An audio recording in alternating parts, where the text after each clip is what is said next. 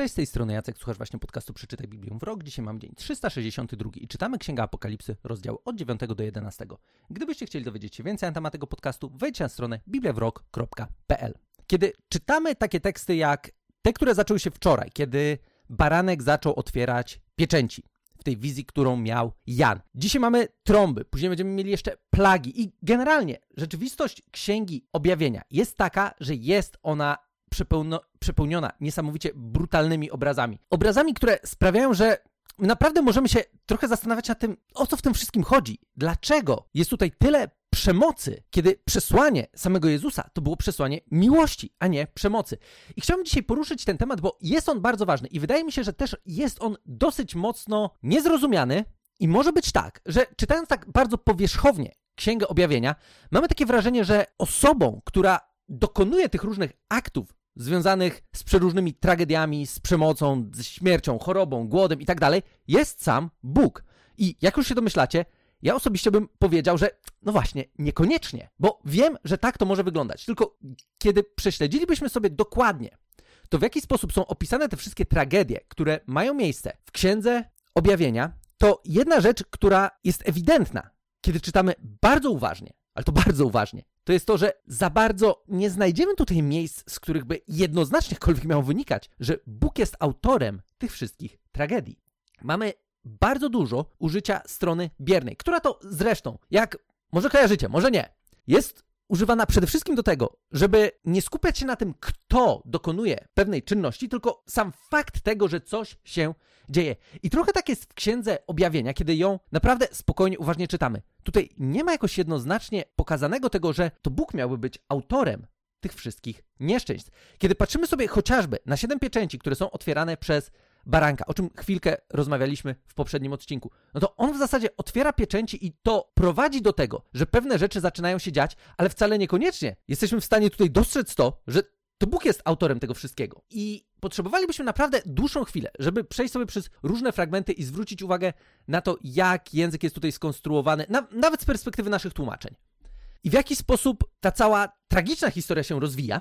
Niemniej jednak jedna rzecz, która wydaje mi się, że byłaby w stanie nam tak ogólnie spiąć te wszystkie trudne do przetrawienia obrazy, jest taka, że zwyczajnie mamy tutaj opis świata, który zostaje niejako wydany na pastwę samego siebie.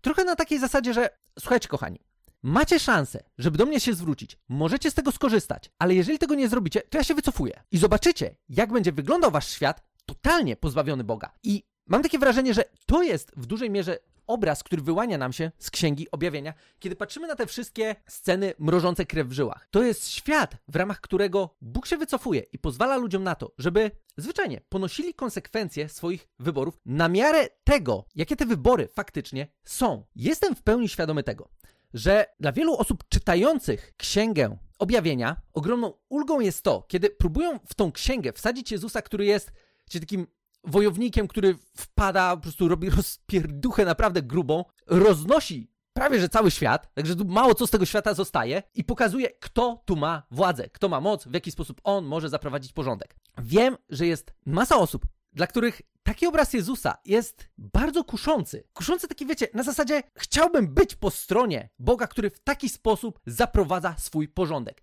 w sposób pełny przemocy, pełny rozpierduchy, w sposób, w którym wygląda, wyglądać by mogło na to, że nie liczy się on w ogóle z, z życiem kogokolwiek, po prostu, słuchajcie, robimy tutaj porządek w taki sposób, jaki i właśnie de facto władcy tego świata próbują zaprowadzać porządek. To zwyczajnie nie trzyma się kupy. I rozumiem to, że znowu czytając Księgę Objawienia, tak bardzo powierzchownie, moglibyśmy mieć wręcz wrażenie, że jak to jest, że to przesłanie Jezusa na temat życia pełnego miłości, poświęcenia wobec drugiej osoby, kochania swoich wrogów, nagle jest prawie że zanegowany przez to, co czytamy w Księdze Objawienia. W moim odczuciu tak w ogóle nie jest, bo tak jak już wspomniałem, ja nie widzę tutaj za bardzo Jezusa, który robi rozpierduchę. Bardziej widzę tutaj świat, który jest oddany samemu sobie, po to, żeby mógł zwyczajnie ponieść konsekwencje swoich wyborów i doświadczyć tego, jak faktycznie wygląda życie kompletnie odcięte od Boga. Bo pamiętajmy o tym, jest jedna rzecz, której nie możemy uniknąć i nie możemy udawać, że ona się nie dzieje. Kiedy czytamy Księgę Objawienia, to widzimy opis rzeczywistości, która naszymi oczami nie jest widzialna. Widzimy pewien duchowy konflikt, który się rozgrywa i który przekłada się też na funkcjonowanie świata. I teraz, jeżeli wzięlibyśmy sobie sytuację, w której Bóg się odsuwa, odsuwa na zasadzie, słuchajcie, róbcie sobie co chcecie, to nie zmienia to tego, że wciąż w tej przestrzeni duchowej jest przeciwnik, który bardzo chętnie, w cudzysłowie, przytuli cały świat i pokaże mu, w jaki sposób on chciałby, żeby ten świat funkcjonował. Dlatego też te obrazy, z którymi się tutaj mierzymy, są właśnie takie, bo jest przeciwnik, który chciałby, żeby w zasadzie roznieść ten świat, żeby tego świata się pozbyć, żeby ludzie się sami wytłukli i zrobi wszystko, co może po to, żeby faktycznie do takiego miejsca świat doprowadzić, bo wie, że w, w ostatecznym rozrachunku jest na pozycji przegranej i jedyne, co może zrobić, to jak najbardziej zrujnować Boże stworzenie po to, żeby w zasadzie Bóg nie miał czego ratować. Bóg jednak w żadnym miejscu nie dopuszcza do tego, żeby świat został całkowicie zniszczony. Nie zmienia to jednak tego, że wygląda na to, jakoby mielibyśmy tutaj pewne przyzwolenie na to, żeby pewne rzeczy się działy właśnie z perspektywy ja się wycofuję. Zobaczcie, jak będzie wyglądał wasz świat, kiedy mnie w nim w ogóle nie będzie. I to wszystko też doprowadzi do tego, że ludzie, wydawać by nam się mogło, w obliczu tragedii, które są opisywane w Księdze Objawienia, powinni pójść po rozum do głowy i powiedzieć, dobra, okej, okay, przegięliśmy, to jest porąbane, to, to jest w ogóle bez sensu. My nie możemy funkcjonować w ten sposób. I to powinno doprowadzić do tego, tak logicznie rzecz biorąc, że ludzkość zacznie szukać Boga. To jednak się nie dzieje. I to jest jedna z największych tragedii, które widzimy w Księdze Objawienia.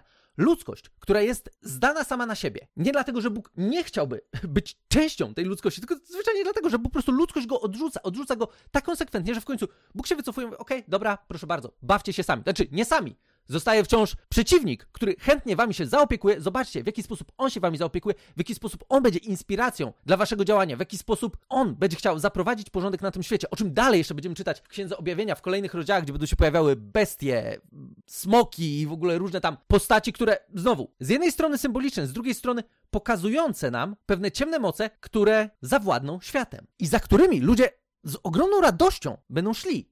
Ale teraz, przechodząc do kilku tekstów, które mamy na dzisiaj. W dziewiątym rozdziale, w, który, w którym mamy kontynuację rozbrzmiewających trąb i tego, jakie kolejne wydarzenia z każdą tą trąbą się pojawiają, na sam koniec dziewiątego rozdziału czytamy, że w obliczu wszystkich tragedii, które już miały miejsce, a tych tragedii jest niemało, bo w zasadzie jesteśmy na szóstej trąbie pod koniec dziewiątego rozdziału, za nami jest już 5. Wcześniej były jeszcze otwierane pieczęci i znowu dużo wydarzeń, które były naprawdę mrożące krew w żyłach. I, I, finał jest tego taki, że od wersetu 20, rozdziału 9 czytamy, jednak pozostali ludzie, ci, którzy nie zostali zabici przez wymienione klęski, nie opamiętali się, nie zaprzestali popełnienia zła. To znaczy nadal oddawali cześć demonom oraz złotym, srebrnym, miedzianym i drewnianym bożkom, które nie widzą, nie słyszą i nie chodzą. Nie opamiętali się też w swoich morderstwach, czarach, nierządzie i złodziejstwie. Z jednej strony wydawać nam by się mogło, że jak trwoga to do Boga. No tu tego nie widzimy. Tutaj nie widzimy tego, że jest trwoga i ludzie nagle zwracają się do Boga. Tu wręcz widzimy to, że oni dalej uparcie trwają przy swoim. Niemniej jednak w tym wszystkim już rozdział 11 daje nam pewien przebłysk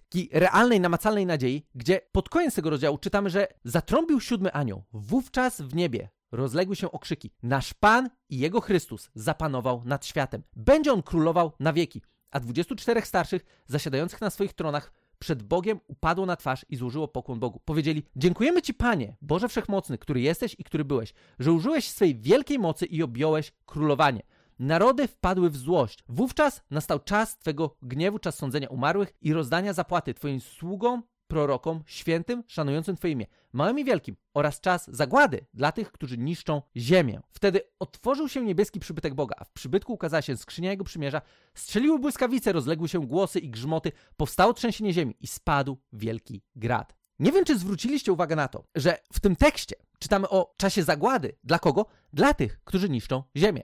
Spójrzmy na to, co działo się do tego momentu jeśli chodzi o te wszystkie pieczęci i trąby. Tak naprawdę Ziemia doświadczała ogromnego spustoszenia. I tutaj widzimy, że Ziemię niszczyli ludzie. Ludzie oczywiście pod wpływem mocy przeciwnika, zainspirowani właśnie swoim bałwochwalstwem, szukaniu bardzo chybionemu Boga w rzeczach stworzonych, a nie zwracanie się bezpośrednio do Stwórcy. Takie nawet delikatne fragmenty jak ten powinny zwrócić naszą uwagę na to, co jest tak naprawdę źródłem nieszczęść, które dotykają i będą dotykać ten świat. I tak jak widzimy tutaj w tej księdze, będzie coraz gorzej, będzie ciężej. I choć powinna być to dla ludzkości zachęta do tego, żeby zwrócić się w stronę Stwórcy, to ludzkość tego jednak nie zrobi. I dlatego też mamy dalej kolejne rozdziały. Tak naprawdę jesteśmy teraz w okolicach dopiero połowy Księgi Objawienia, a już robi się dosyć gęsto i przez najbliższe rozdziały wcale niekoniecznie będzie jakoś lżej. Będziemy wręcz widzieć obraz ludzkości coraz bardziej pogrążającej się w swoich błędnych wyborach. I w tym wszystkim, tak jak wspomniałem na samym początku, Bóg jest tym, który przyzwala na to, żeby ludzkość poszła całkowicie swoją drogą, ale to po prostu na maksa, jak, tak daleko ode mnie, jak tylko chcecie. I zobaczcie, do czego was to zaprowadzi. Nie widzimy tutaj Boga, który robi rozpierduchę, który niszczy cały świat, który jest tym, właśnie jak niektórzy chrześcijanie chcieliby sobie wyobrażać Jezusa jako takiego krwiożerczego wojownika, który po prostu wpada i nagle zrobi tutaj porządek. No właśnie nie. Przesłanie Jezusa jest wciąż to samo. Kochanie swoich wrogów i życie pełne miłości i poświęcenia wobec tych, którzy nas prześladują, którzy są gotowi do najgorszych aktów przemocy, wobec tych, którzy zwyczajnie chcą żyć życiem pełnym miłości, pokoju. Życiem, w którym będą mogli być obrazem Boga dla tego ginącego świata. Co jest ciekawe, czytając Księgę Objawienia, to jest to, że mamy tutaj księgę, która ma w sobie bardzo wyraźne prorocze przesłanie. I teraz, gdybyśmy spróbowali sobie wyobrazić taką sytuację, czy tu nie ma dużo jakiegoś wyobrażania, ale kiedy cofniemy się do Starego Testamentu, do tego w jaki sposób tam był opisywany sąd i moment, w którym Bóg zaprowadzi sprawiedliwość. To prowadziło to do tego, że ludzie w Mesjaszu oczekiwali właśnie takiego politycznego przywódcy, który zaprowadzi porządek, wyzwoli Izraela w sposób jak najbardziej militarny, a okazało się, że przyszedł Mesjasz, który swoje życie oddał za swoich wrogów. I nawet po jego zmartwychwstaniu uczniowie wciąż się zastanawiali, dobra, ale to może teraz już w końcu zaprowadzimy ten porządek. Kiedy to przed odejściem Jezusa z tego świata na Górze Oliwnej, historia, która jest opisana w pierwszym rozdziale dzieł apostolskich, uczniowie pytają go, Panie, czy w tym czasie przywrócisz Izraelowi królestwo do jego dawnej świetności? Wiemy doskonale, w jaki sposób wyglądało przywracanie świetności królestw w tamtych czasach. Zwyczajnie, to była kwestia związana z konfliktami zbrojnymi, z przemocą, z wojną. I w jaki sposób Jezus odpowiada? Nie mówi, chłopaki, no, głupi jesteście, wy jeszcze się nie, nie połapaliście. Tylko mówi tak, nie do was należy poznanie okresów i dat, które sam Ojciec ustalił z racji swej władzy. Otrzymacie moc Ducha Świętego, kiedy na was stąpi i będziecie mi świadkami tu, w Jerozolimie, w całej Judei, Samarii i aż po najdalsze krańce ziemi. Podczas swojego pierwszego przyjścia Jezus dał nam obraz tego, w jaki sposób my powinniśmy żyć życiem pełnym miłości poświęcenia wobec drugiego człowieka. Pomimo tego, że oczekiwania były inne. I dzisiaj, kiedy czytamy Księgę Objawienia, to bardzo powierzchownie na nią patrząc, możemy mieć takie wrażenie, że okej, okay, dobra, to teraz Jezus w końcu przyjdzie i zaprowadzi porządek w bardzo jednoznaczny, brutalny sposób. Okazuje się jednak, że może to być tak samo mylne spojrzenie na powtórne przyjście Jezusa, jak nieporozumieniem były oczekiwania tego, w jaki sposób Mesjasz miał przyjść po raz pierwszy. Wtedy oczekiwano przywódcy politycznego, który twardą pięścią zaprowadzi porządek. I teraz jest tak, że wciąż jest ogromna rzesza ludzi, którzy tego samego wciąż oczekują, że przyjdzie Jezus i twardą pięścią zaprowadzi porządek. Ale z Księgi Objawienia bardziej wyłania mi się obraz Jezusa, który przyjdzie i zaprowadzi porządek osądzi świat. To jest absolutnie jednoznaczne. Nie zmienia to jednak tego, że sposób jego funkcjonowania się nie zmienił. I wciąż lekcje, które nam daje, to jest to, żebyśmy w mocy Ducha Świętego byli tymi, którzy przeciwstawiają się złu, którzy nie pozwalają sobie na to, żeby iść na jakiekolwiek ustępstwa w obszarze tego, gdzie jest złożone nasze zaufanie, żebyśmy jednoznacznie, całym sobą ufali Bogu, pomimo różnych trudności, które będą naszym doświadczeniem. I to jest droga, która prowadzi do ostatecznego zwycięstwa. A największą tragedią ludzkości w tym wszystkim jest to, że kiedy w obliczu tragedii ona dalej nie będzie zwracała się w stronę Boga, to zwyczajnie poniesie tego ogromne konsekwencje. Nie dlatego, że Bóg tak by chciał, a dlatego, że zwyczajnie Bóg daje nam wolną rękę. Mówi, okej, okay, to róbcie sobie co chcecie. Mnie tu nie będzie. Będzie ktoś inny, kto z miłą chęcią zainspiruje was do tego, w jaki sposób powinniście żyć. I zobaczycie, jak ten świat będzie wyglądał, do czego to wszystko doprowadzi. I te wszystkie tragedie, które mamy opisane w Księdze Objawienia, one nigdy nie są takie ostateczne, że wiecie, cały świat wybucha. Nie. Zawsze coś z tego świata zostaje, bo ostatecznie ten świat ma być odnowiony.